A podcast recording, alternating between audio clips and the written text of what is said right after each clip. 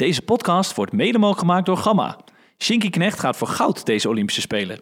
Gamma is fan van schaatsen en ze zijn trots om hem te mogen ondersteunen om zijn doelen te bereiken. Shinky is een inspiratie voor iedereen en laat zien dat je met hard werken weer mee kan doen op het hoogste niveau. Ik merkte wel tijdens de Spelen in, in Korea dat er wel, eh, wel degelijk druk op stond. Eh, of het mijn laatste kans op Olympisch goud, dat weet ik niet. Dat, eh, dat durf ik zo niet te zeggen. Ik heb tijdens, tijdens schaatsen geen pijn aan mijn benen of iets dergelijks hoor. Op zijn negende begon hij met schaatsen en inmiddels is hij uitgegroeid tot de meest bekende shorttracker van Nederland. Hij debuteerde op het hoogste niveau in 2009 bij het EK Shorttrack in Turijn met zilver op de oplossing. En bij zijn Olympische debuut in Vancouver in 2010 pakte hij de 11e plaats op de 1000 meter. En hij won in 2014 op de Olympische Spelen in Sochi de bronzen medaille op de 1000 meter, waarmee hij de eerste shorttrack medaille ooit voor Nederland won. In 2015 werd hij de tweede Nederlander na Peter van der Velde in 1988 die wereldkampioen shorttrack werd. En in datzelfde jaar werd hij ook nog eens Europees kampioen. In 2018 in Pyeongchang pakte hij zilver op de 1500 meter en het wachten was op zijn eerste gouden Olympische plak. Op het hoogtepunt van zijn carrière sloeg het noodlot toe en raakte hij ernstig geblesseerd. Maar nu is hij op de weg terug en hij is hongeriger dan ooit. Ik heb het natuurlijk over Shinky Knecht, een van de beste shorttrackers van ons land. En vandaag praat ik uitgebreid met hem verder. Ik ben Thijs van Dijk en dit is Held, de podcast. Shinky, welkom in de studio. Leuk dat je er bent en uh, fijn dat je vanuit het verre Friesland even deze kant op wilde komen. Ja, is geen probleem hoor. Zo ver is het niet, dus dat scheelt. Nou, elke aflevering, zei ik al, trappen we af met een uh, aantal stellingen voor onze gast. En ik wil je vragen om daar eens of oneens op te antwoorden, maar nog niet dieper op in te gaan. Dat gaan we later in het gesprek doen. Uh, houd voor nu dus kort en bondig. Ben je er klaar voor? Ja hoor. Stelling nummer 1. Op een koude winterdag steek ik nog steeds de kachel aan. Ja. Stelling nummer 2. Op dit moment ben ik best jaloers op Suzanne Schulting. Uh, nee. Stelling nummer 3. Over tien jaar neem ik het stokje over van Jeroen Otter. Uh, ja. Nou, hier gaan we straks in deze aflevering wat langer bij stilstaan en dieper met elkaar op in. Uh, want we gaan nu eerst luisteren naar jouw inspirerende sportmoment, jouw inspirerende sporter. Want elke aflevering vragen we namelijk aan onze gast om een inspirerend sportfragment mee te nemen uh, wat hem of haar inspireert of heeft geïnspireerd. Laten we even gaan luisteren naar wat jij hebt meegenomen. Really waiting, really waiting now. Just two and a half laps to go and he's still fit. And Fabio Carta making a pass on the outside. Kim Dong-sung trying to hold it tight. Is Ono going to try for the inside? He's making a move. Ono's in second. He gets by Gagnon. What now he has to pass Kim Dong-sung. It's Ono against Kim. There's bumping. Oh, ono goes inside to the line. It's going to be Kim holding on. Kim Dong-sung holds on for gold, and Ono has silver. And let's see, there's an announcement, and I believe, has Kim been disqualified? I think that's the call. Kim Dong-sung disqualified. I believe the call was for cross-tracking. As they come out of the turn, Apollo tries to go by. Oh, and yes, Kim Dong-sung does come. From that angle, you can see it better. He did come from a wider track to a tighter track. And there is America's first male short track gold medalist. Ja, Shinky, vertel even aan de luisteraars, waar hebben we hier naar geluisterd? Uh, nou ja, nou, Apollo Ono die uh, ja, vele gevechten uitvocht uh, met de Koreanen natuurlijk. En ja, hij was wel een van de eerste niet-Aziatische landen die het echt opnam tegen de Koreanen. En ja, dat vond ik heel inspirerend. En wanneer was dit? Dit was denk ik tijdens de Spelen van 2002. Ja, mooi verhaal. En waar ik nou heel erg benieuwd naar ben, is waarom inspireert Apollo Ono jou dan als, uh, als sporter? Of hoe heeft hij jou geïnspireerd in jouw carrière? Nou ja, wat ik al zei, hij uh, ja, moest het in zijn eentje eigenlijk opnemen tegen, ja, tegen al die Koreanen. En ja, ik, ik heb zelf wel een beetje in, in hetzelfde schuitje gezeten natuurlijk. Ik was in mijn eentje ja, de beste shorttracker van Nederland. En ik had niet echt hulp van andere teamgenoten. En waar je wel vaak ziet dat de Koreanen met z'n drieën in de finale staat. En dan sta je daar in je eentje. En ja, dan moet je toch maar klaar zien te krijgen. En hoe heb je dan de lessen van hem ook daarin meegenomen? Want hij was natuurlijk ook vaak alleen daarin uh, als Amerikaan. En zeker in, deze, in dit fragment. Ja, nou ja, dan uh, zie je wel dat uh, tactiek en durven wachten heel belangrijk is. En ik denk dat hij daar wel echt een van de beste shorttrackers van de wereld in was. Ja. En, en wat maakt hem dan zo bijzonder? Wat maakt hem dan zo goed daarin? Nou, hij, natuurlijk, hij geloofde in zijn eigen kunnen. En ik denk dat hij dat heel goed heeft gedaan. En ja, in Amerika word je natuurlijk sowieso ja, gedragen als je Olympisch kampioen wordt. En ik denk dat hij dat ja, heel goed gedaan heeft. Nou, jij hebt het natuurlijk in je carrière ook best wel vaak tegen hem opgenomen. Nou, je hebt gewonnen, verloren. Hoe heb, je hoe heb je dat toen aangepakt eigenlijk? Want ja, je wist zijn kracht. Hè? Hoe ben je daar toen mee omgegaan toen je tegen hem uh, moest schaatsen? Nou, toen was ik natuurlijk nog veel jonger en, uh, en lang nog niet zo goed. Maar uh, ja, in dat soort wedstrijden probeer ik vooral nog veel dingen te leren. En ja, die heb ik in, in latere wedstrijden natuurlijk wel, wel toegepast. Maar ja, hij kon natuurlijk als geen ander inhalen en, en mensen blokkeren. En ja, later kon ik dat zelf ook. Ja, en wat zijn dan eigenschappen die je nou, nu dus heel erg van jezelf, hè, in jezelf ook terugziet van hem? Dus je zegt, nou, dat inhalen en um, nou, dat passeren en dat blokkeren. Zijn er nog andere dingen die je op de baan echt van hem hebt meegenomen, nadat je tegen hem geschaatst hebt of dingen die je van hem gezien hebt? Nou, of er echt daadwerkelijk andere dingen zijn die ik echt meegenomen heb, weet ik niet. Want ik, uh, ik ben er ook van overtuigd dat je niet iemand moet willen kopiëren om, uh, om, om goed te worden. Want dan word je zo goed als diegene en dan word je niet beter als, uh, als het hij was. Dus ja, op, op heel veel dingen probeer ik ook gewoon echt mijn eigen ding te doen. En hoe heb je dat dan meegenomen? Dat je zegt, nou oké, we kijken naar Apollo, je kijkt naar die Koreanen. Op een gegeven moment was je, nou, je zegt het al, ik was toen nog jong. Je werd ouder. Wat zijn dan echt dingen die jou veranderd hebben als, uh, als shorttracker... dankzij die ervaringen van, van tegen hem schaatsen... of nou, wat je gezien hebt van de inspiratie van hem? Nou ja, ik uh, was vroeger natuurlijk iemand die heel veel uh, achteraan hing... en ja, dan in de laatste twee, drie rondjes probeerde aan te vallen. Maar ja, als je echt wil winnen, dan moet je ook wedstrijden van voren kunnen rijden. En ja, later heb ik wel, mezelf dat wel echt aangeleerd. En ja, je zag ook dat andere grote shorttrackers dat ook deden. En op die manier ja, wel wedstrijden echt kon winnen. En zie je hem dan ook als een held in het shorttrack, Apollo Ono? Of, of een Koreaan aan bijvoorbeeld? Zijn het voor jou helden? Nou, hun zijn wel echt, uh, wel echt shorttrack helden, ja, dat zeker. En waarom? Wat maakt hun dan voor jou helden? Nou, hun hebben zoveel gewonnen, met z'n twee sowieso aan ook, maar Apollo ook zeker. En ja, dat zijn wel, wel echt helden in het shorttrack. En naast de baan dan ook? Of is dat, kijk je dan echt alleen naar de prestatie van nou als held op de baan zelf? Of kijk je ook naar hun persoonlijkheden? Bijvoorbeeld van, van Apollo Ono? Nou ja, niet echt. Ik ben meer met het schaatsen bezig dan uh, wat ze, ja, hoe ze zijn naast de Thijs.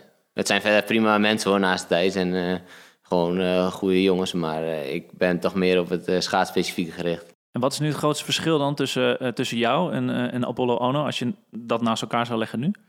Als je dat naast elkaar Als persoonlijkheden? Als, als nou, ik denk dat hij wel meer van de show is dan dat ik dat ben, ja. Ja? Ja. En zou je dat niet meer willen zijn? Zou je niet meer zo willen zijn dat je zegt van nou, ik zou meer de show willen zijn? Want je zegt het al, ik was de beste shorttracker van Nederland, maar dan toch heel bescheiden. Zou je dan toch niet meer daarvan willen hebben van hem? Nee, nee, nee, zeker niet. Ik denk niet dat ik de juiste persoon ben om, om zo te zijn. Ja, wat ik zag, hij stelde zich uh, in de documentaire Weight of Gold, ik weet niet of je die gezien hebt uh, bij HBO, stelde hij zich ook heel kwetsbaar op en zei hij eigenlijk van nou, ik had te kampen met heel veel stress en heel veel druk, hè, ook nadat ik uh, Olympisch kampioen ben geworden. Herken je dat ook bij jezelf? Heb jij dat ook ervaren in, jouw in jouw periode? Nou, op een gegeven moment, kijk, in een normale wereldbekerwedstrijd had ik er nooit zoveel moeite mee, maar ik merkte wel tijdens de Spelen in, in Korea dat er wel, wel degelijk druk op stond en ja, als je dat niet heel vaak ervaart, dan, dan is dat op dat soort momenten wel, wel lastig. En dat zag je ook. Mijn eerste rit op 1500 meter was gewoon echt niet goed. En ja, dat had ik in, in Sochi ook, waar ik ook... ja, was ik wel meer een outsider, maar dat, daar, daar liep ik tegen dezelfde fout aan. En ja, naarmate het toernooi ging dat wel weg. Maar ja, je hebt dat liever natuurlijk niet in, in de eerste races. Maar hoe dus ging je daar dan mee om? Hoe heb je dan die knop omgezet? Want je zegt, ja, naarmate het toernooi vorderde, ging dat beter. Wat heb je dan bij jezelf gedaan dat je zegt, hé... Hey, nou ja, na zo'n, na zo'n eerste rit, zo'n heat, 15 meter, dan... Ja, ik was daar wel gewoon echt kwaad op mezelf. En, uh, Jeroen, de coach, uh, die zag dat ook. En die zei ook, dit is natuurlijk niet uh, waarvoor we hier gekomen zijn. En dan hebben we even een stevig gesprek. En ja, 20 minuten later moet je er gewoon weer staan. Ja, en als je dan, als we even teruggaan naar het, het sportheld of de shorttrack held, wat zijn nog meer eigenschappen van, van een held voor jou? Als je naar deze twee mannen kijkt of ook naar jezelf, wat, zie je jezelf ook zo? Nou, dat wil ik niet zeggen, maar misschien omdat ik ook heel bescheiden ben. Maar ja, is natuurlijk uh, goede resultaten dragen daaraan bij. Maar ik vind ook uh, een, een, echte shorttrack held moet ook legendarische inhaalacties hebben, hebben gemaakt in zijn carrière. En ja, dat hebben, heeft Apollo zeker gedaan. En jij ook natuurlijk. Hè? Wat, is, wat vond je zelf jouw meest legendarische sportmoment als je daar naar terugkijkt? Is dat dan uh, Sochi, Pyeongchang?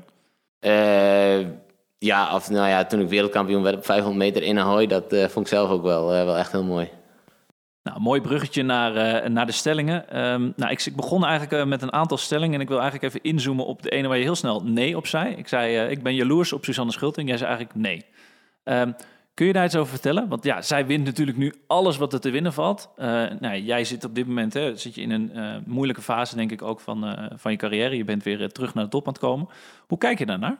Dus nou, ik, ik ben niet jaloers. Zeg. Nee, nee, ik vind het vooral, vooral heel mooi dat, ja, dat zij op dit moment alles, alles wint. En ik denk ook dat het voor het short track Nederland precies op het juiste moment kwam. ik, ik zelf, ik was ja, na de Spelen van 2018 uh, wel gewoon nog steeds goed. En uh, die, die zomer wel wat rustig aan gedaan. En ja, die, die winter begon ik eigenlijk ook gewoon wel weer, wel weer prima. De eerste drie wereldbekerwedstrijden. Maar ja, daarna raakte ik geblesseerd. En ja, Suzanne had daarvoor nog niet heel veel gewonnen. Ze werd wel ja, Olympisch kampioen, wat natuurlijk ontzettend mooi was. En wat, wat perfect is. En wat haar natuurlijk heel hongerig heeft gemaakt. En ja, Oh, ik raakte geblesseerd en er werd eigenlijk niet heel veel meer gewonnen door, uh, door Nederland. En dus ja, als zij er dan in, op dat moment in dat gat stapt, dat is natuurlijk alleen maar fantastisch. En daar kan ik zelf alleen maar van genieten.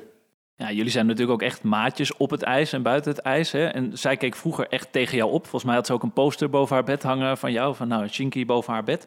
En um, ja, ze droeg ook haar eerste gouden medaille na jouw ongeluk eigenlijk aan jou op. Vond ik natuurlijk heel mooi. Hoe was dat voor jou? Ja, nou, dat vond ik ook uh, zeker heel mooi. Ik had liever had ik er natuurlijk ook gewoon bij willen zijn. En dan uh, had ze die medaille niet aan mij over hoeven dragen natuurlijk. Maar uh, ja, dat was natuurlijk op dat moment de situatie. En ja, dat, dat waardeerde ik natuurlijk enorm. En hoe was het voor jou om dan aan de, aan de zijlijn te gaan? Hoe heb je je rol toen veranderd? Want jij zegt, nou, ik was bezig met mijn voorbereidingen. Nou, dat viel natuurlijk in duigen.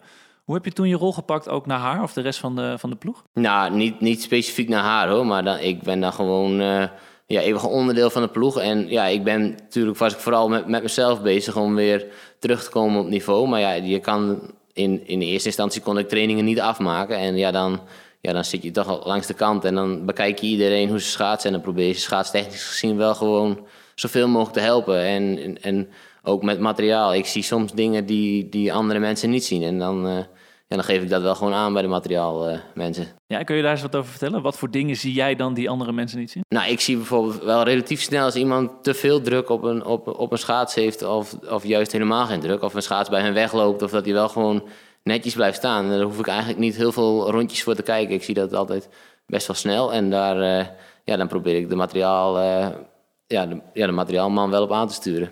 En voor onze luisteraars die misschien nog niet helemaal de, de, technische kennis hebben, wat betekent dat dan als je druk op je schaatsen verkeerd is? Nou, als je, als je, je zeg maar te veel kromming hebt, waardoor je ja, heel veel druk genereert, dan is het echt uh, heel moeilijk om de bocht te houden. En dan word je zeg maar je heup uit de bocht geduwd, waardoor je de bocht niet kunt houden. Want je wil je, je, je heup eigenlijk naar het ijs toe hebben. En ja, op een gegeven moment dan wordt de druk zoveel, dan draait je heup eruit en dan vlieg je zeg maar de bocht uit door de G-krachten. En ja, daar moet je een balans in vinden met, ja, met je druk en, en ja, je afstelling van je schaats. Dus dan neem je eigenlijk de ervaring van jou mee om dat mee te geven aan de, aan de anderen.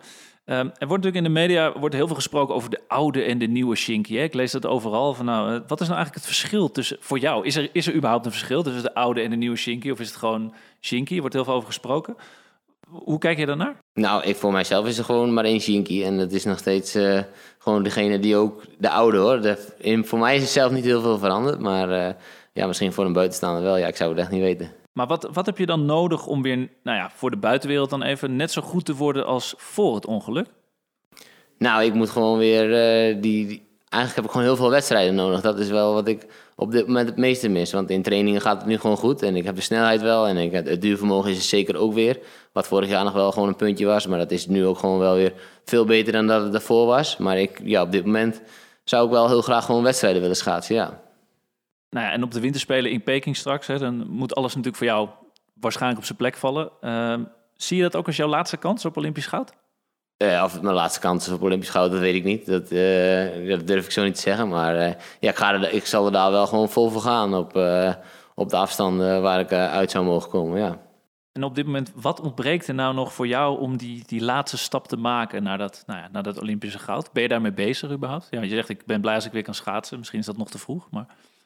Nee, nee, ja, ik ben er zeker wel mee bezig. Ik wil natuurlijk overal het optimale uithalen natuurlijk. Hè. In trainingen, dat soort dingen, dat gaat gewoon goed. Schaatsen gaat gewoon goed, maar ja, je zult uh, ergens toch uh, dingen moeten zoeken. Dus ja, dan zijn we met materiaal bezig om daar misschien nog net een klein beetje meer snelheid uit te halen. Of uh, je de afstelling te optimaliseren. Maar dat, dan kun je je schaats heel perfect af hebben gesteld voor, voor Tialf. Maar ja, de Olympische ijsbaan zal toch weer anders zijn. Dus het is, komt er ook een beetje aan hoeveel ijsuren krijgen we op die baan en wat kunnen we daarmee. En voel je wel weer uh, nou, sterk genoeg dat je zegt, is er nog angst? Is er nog bepaalde angst nu? Want je hebt natuurlijk nou ja, ook gewoon veel pijn als je, uh, als je traint. Hoe ga je daar nu mee om? Of ben je nu gewoon bezig met, oké, de snelste versie van jezelf worden? Nou, ik ben er vooral bezig om, uh, om, om weer zo goed mogelijk te worden. En ja, je zei pijn, maar ik heb tijdens, tijdens schaatsen geen pijn aan mijn benen of iets dergelijks hoor. Dus dat is allemaal wel, wel goed, goed opgelost door alle artsen. Dus daar heb ik echt geen hinder van. Dus ja, dat zou me niet moeten belemmeren. Dus het is gewoon een kwestie van fysiek zo goed mogelijk worden. En het, het spelletje short dat, dat zit wel in mijn hoofd. Dus dat begrijp ik wel. Maar het is, ja, de fysiek is dan gewoon wel de grootste uitdaging. Ik kan me voorstellen, nou, dat is een mooie brug eigenlijk naar de, de volgende stelling. Je zei het eigenlijk vrij stellig, zei je ja op deze stelling. Op een koude winterdag steek ik nog steeds de kachel aan is natuurlijk veel over gesproken, over het, onder, eh, over het onderwerp eh, van jouw verbranding. Je zei daarop ja. Hè? Um, nou, ik kan me heel goed voorstellen, het heeft natuurlijk een enorme impact gehad op, op jou als persoon, ook op je familie. Je, je kinderen en je vrouw waren natuurlijk ook, ook bij. Hoe hebben jullie daar met elkaar over gesproken? Van, hoe, hoe is dat gegaan? Nou, ik denk niet. We hebben er eigenlijk niet eens over gesproken. Ja, op een gegeven moment werd het weer wat kouder. En het is niet zo dat ik de, de houtkachel in huis heb om, om het huis te verwarmen. Ik heb ook gewoon een cv en dat kan ik ook gewoon uh, met de vinger gewoon een paar graadjes omhoog zetten. Maar ja, het is ook gewoon gezellig, een, houtkachel. En ja, op een gegeven moment werd het weer wat kouder. En ja, ik zei gewoon, ja, laten we de kachel gewoon weer een keer aanzetten. En ja, dat, die is toen gewoon weer aangegaan. Er is eigenlijk niet echt over gesproken. We zijn ook niet echt de mensen die daar dan hele gesprekken aanwijden, denk ik. Nee, maar bedoel, wat ik meer bedoel is, is er nog over gesproken na dat ongeluk met je vrouw en je kind? Die hebben natuurlijk live meegemaakt. Hoe zijn jullie daarmee omgegaan na dat, na dat ongeluk? Heb je daar met je vrouw over gehad? En eh, nou ja, gewoon ook over met het oog op de toekomst.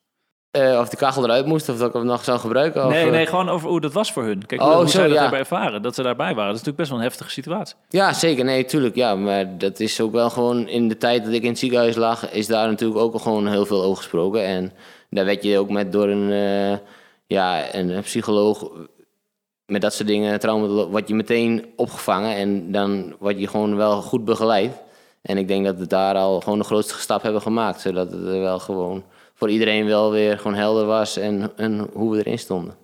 Ja, Jeroen Otter vertelde ook in een interview hè, dat een van jouw krachten is dat je ook eigenlijk nooit terugkijkt. Dat je gewoon zegt van nou, ik leef met de dag. Hè, dat hoor ik nu ook heel goed terug. Maar zijn er nog wel eens momenten dat je terugkijkt naar die dag en dat je zegt, oh ja, had ik maar iets anders gedaan? Ja, natuurlijk denk je dat wel, wel eens. En dat heb ik natuurlijk. Uh, dat, ik denk dat je dat met heel veel dingen wel hebt. Maar ja, met dat heb ik dat ook wel eens. Ja, natuurlijk lig ik wel eens uh, s'avonds in mijn bed en dan denk ik wel eens van ja, had ik dat maar, uh, maar anders gedaan. Maar ja, dat is achteraf. En ja, een maand ervoor had ik een ongeluk met een heftruck. Ja, dat dacht ik ook. Ja, had ik dat maar anders gedaan. Ja. Als ik dat niet was gedaan, had, was het met die houtkachel waarschijnlijk ook nooit gebeurd. Hè? Het is allemaal een samenloop van omstandigheden. En ja, je doet er nu niks meer aan. Dus ja, wat Jeroen ook zei, ik kijk niet heel vaak achteruit. En daar heeft hij wel echt uh, gelijk in. Maar ben je, merk je wel dat je voorzichtiger bent geworden? Ben je nu wel anders naar jezelf gaan kijken of ben je nog steeds dezelfde? Dat je, nou, je zei het al, het ongeluk met de heftruck, eh, de verbranding. Ben je nu wel anders daarin? Denk je nu wel van, oh, ik, uh, ik ga nu uh, minder sleutelen aan mijn auto's bijvoorbeeld, ik ga minder racen? Of maakt het helemaal geen verschil? Nou, dat maakt zeker geen verschil, maar ik merk wel aan mezelf, ik ben wel voorzichtiger uh, met vuur natuurlijk. Hè. Ik woon in een klein dorpje, daar wordt natuurlijk wel gewoon eens vuurtje gestoken, dat soort dingen. En dan zie ik soms wel eens dingen gebeuren. Denk van, nou, ik weet niet jongens, maar misschien moet het toch allemaal wel even een klein beetje voorzichtiger. Ik merk daarin wel dat ik daar wel echt voorzichtiger in ben geworden. Maar voor de rest uh, vind ik mezelf nog niet heel veel voorzichtiger. Ja, dus waren ook mensen die zeiden dat ik voorzichtiger werd op het moment dat ik... Uh, ja, kinderen kreeg. Hè, dat ik tijdens fietsritjes uh, in de bergen naar beneden zei dat, dat het wel verstandiger was dat we met z'n allen even wat rustiger aandoen. Ja, dat zijn allemaal dingen die gebeuren waarschijnlijk onbewust. En daar denk ik dan op dat moment niet eens zozeer over na. En zie je dat dan ook terugkomen in de sport? Ben je nu ook voorzichtiger geworden op de ijsbaan? Of ben je gewoon nog, nou ja, wat je zelf al zei, de, dezelfde shinky als altijd? Nou, ik vind zelf wel dat ik nog altijd dezelfde shinky als altijd ben. Ja, tijdens schaatsen ben ik zeker niet voorzichtig. Ja, en naar aanleiding van je ongeluk heb je volgens mij ook de, de Shinky Foundation opgezet. Hè? En ja, dan helpen jullie dus ook mensen met brandwonden en hun dromen en ambities uh, waar te maken. Kun je daar kort wat over vertellen, wat, hoe dat is ontstaan? Ja, nou ja, op, het moment, uh, op een gegeven moment, uh, ja, natuurlijk, het was een ontzettend uh, zuur wat was gebeurd. en, ja, en op dat moment was ik met mijn manager in gesprek van, ja, laten we hier, hier moeten we eigenlijk wat mee doen. En ja, in, ja op die manier is de, die foundation ontstaan om mensen ja, ook met brandwonden weer te helpen om terug te komen van wat ze voorheen ook altijd deden. Hè. Heel veel mensen met brandwonden denken dat het eigenlijk dat het ja, dat het allemaal niet meer gaat en dat je er niet meer uitziet en uh, dat soort dingen. En ja, we willen ze eigenlijk laten zien dat het allemaal gewoon weer terug kan komen zoals het vroeger was. En dat, ja, daar zetten we ons dan voor in. En hoe doe je dat dan? Wat voor concrete voorbeelden geven jullie dan?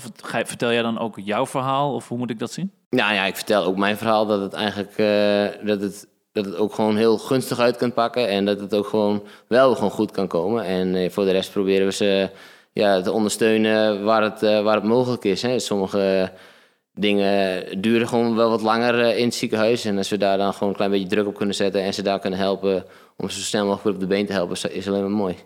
En heb je nog concrete voorbeelden van iets waarvan je zegt: Oh, dat is een heel mooi voorbeeld van wat de foundation voor iemand heeft betekend in de afgelopen tijd?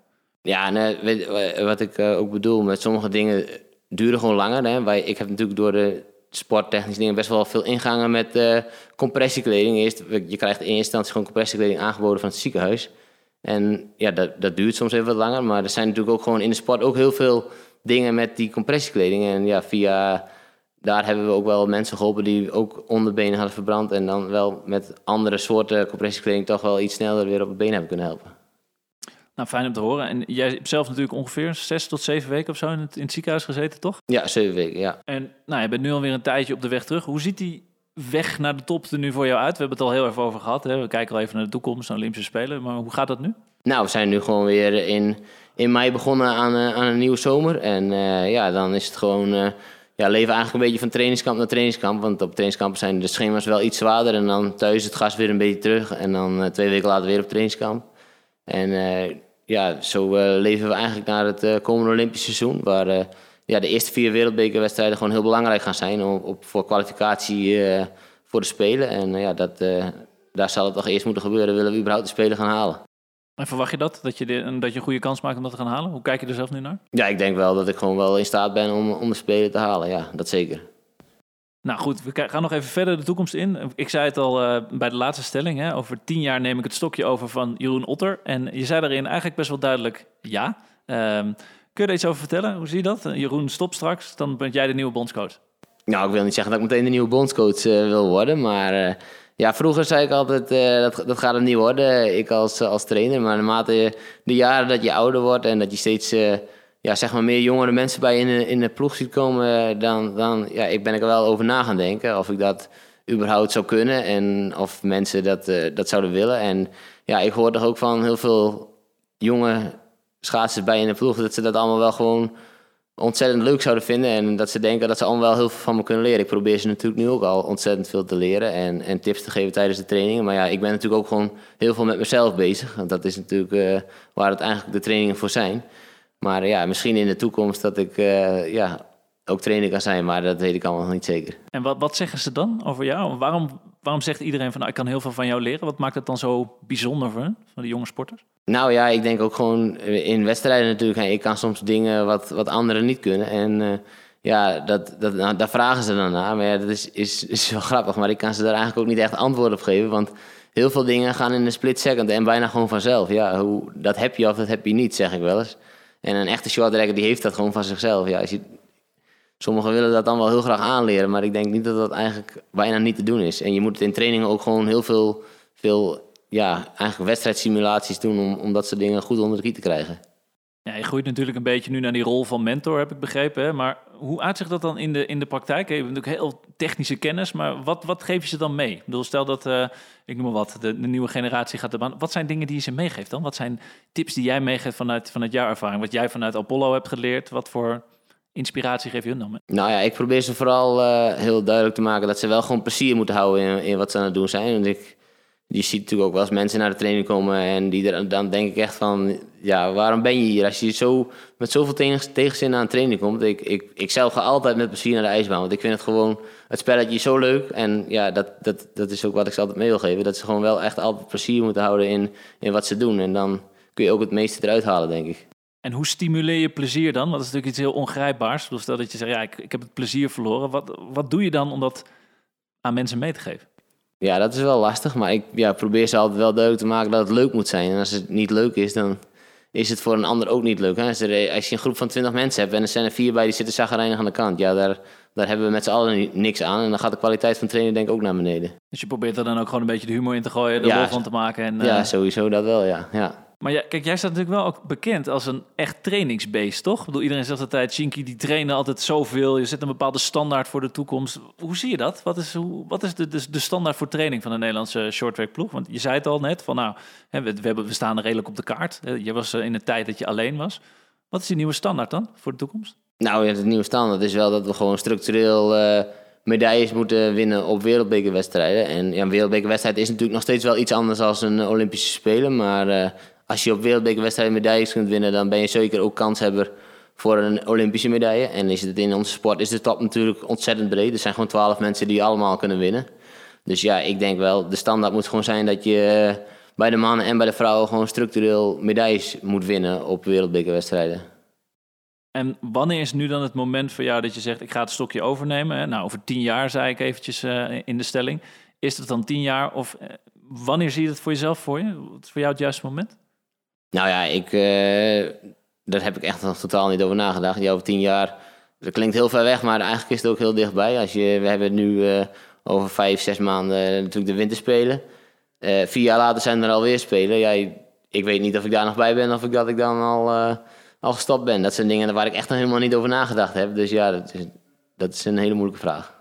En wat zijn nu dan jouw korte termijn en lange termijn doelen voor, voor jezelf? Wanneer ben jij nu tevreden? Wanneer is het geslaagd voor jou?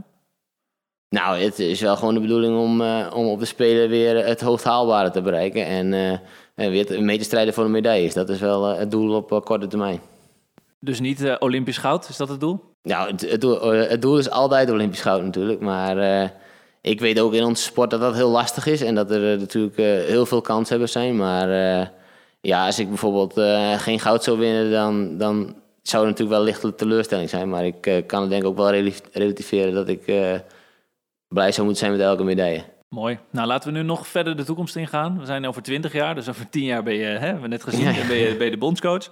we zitten hier over 20 jaar weer met elkaar aan tafel en wij hebben weer een gesprek.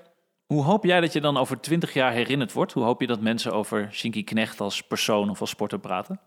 Uh, dat ik uh, wel altijd een enorme doorzetter ben en dat ik ja, het short toch in Nederland op de kaart heb gezet. En op welke manier? Kun je dat iets concretiseren? Nou, of ik anders dingen anders ga doen, dat weet ik niet. Maar want je ziet ook dat deze manier in principe wel werkt voor deze tijd. En je weet natuurlijk niet, de sport kan natuurlijk ook veranderen. En ja, daar zullen dan waarschijnlijk ook andere trainingsmethodes bij horen. En andere schaatstechnieken. Want dat zie je ook dat uh, tien jaar geleden short een, uh, iemand heel anders dan dat ze dat nu doen. Dus ja, dat, ik verwacht ook dat dat gaat veranderen in, uh, in de toekomst. Dus ja, wat ik dan concreet anders doe, dat, ja, dat is lastig te zeggen. Nee, maar dat kan ik me voorstellen. Maar het is natuurlijk ook mooi om over te filosoferen. En wat denk jij, hoe ziet de sport er dan over tien jaar uit? Wat, bedoel, je hebt, jij hebt natuurlijk verschillende decennia nu meegemaakt. Hè? Je, hebt het, je noemt het zelf het oude en het nieuwe shorttrack. Hoe ziet het shorttrack van de toekomst er voor jou dan uit, denk jij? Nou, ik denk dat het, het shorttrack in de toekomst nog veel meer een, een, een lange sprint gaat worden. Waar je ja, tien jaar geleden nog zag dat de 500 meter echt sprintnummer was. Dat de 1000 meter nog rustig werd begonnen. Maar dat evalueert nu ook al meer naar een sprintnummer. En ik denk uh, ja, dat het in de toekomst uh, alleen nog maar, uh, nog maar zwaarder gaat worden. En dat het alleen maar lastiger gaat zijn om, om voorop te kunnen komen. Nou, en als je nou één boodschap mee zou mogen geven hè, aan de toekomstige generaties, dus jouw opvolgers, zal ik maar zeggen, wat zou die boodschap dan zijn? Nou, wat ik echt wel al heel vaak ook heb gezegd, dat je wel gewoon echt plezier moet houden in, eh, in wat je doet. Nou, ik heb hier een uh, tegeltje voor je liggen. Ik kan me voorstellen dat je dat dus op wil schrijven. Maar daar mag je dus jouw lijfspreek of jouw levensmotto opzetten. En dat wordt dan ook meteen jouw boodschap aan de wereld. Nou, stel dat we dit nou verpakken in een tegelwijsheid, die we dan ook gaan vereeuwigen aan, uh, aan de muur bij, bij Helden. Wat zou die tegelwijsheid dan zijn? Is dat dan heb plezier in wat je doet? Of hoe zou je dat verwoorden? Ja, ik denk wel, ja. ja heb plezier in uh, wat je doet, ja. Mooie afsluiting. Nou, schrijf zo meteen uh, jouw luidspreek op dit prachtige tegeltje op. Shinky Knecht, heel erg bedankt voor je komst naar de studio. Dit was Helden de podcast. En deze aflevering is terug te vinden op www.helden.media podcast. Volg ons ook op alle social media kanalen en blijf op de hoogte van het laatste nieuws. Laat gerust een review of een reactie achter en laat ons vooral weten wat je van deze aflevering vond. Mijn naam is Thijs van Dijk en tot de volgende keer.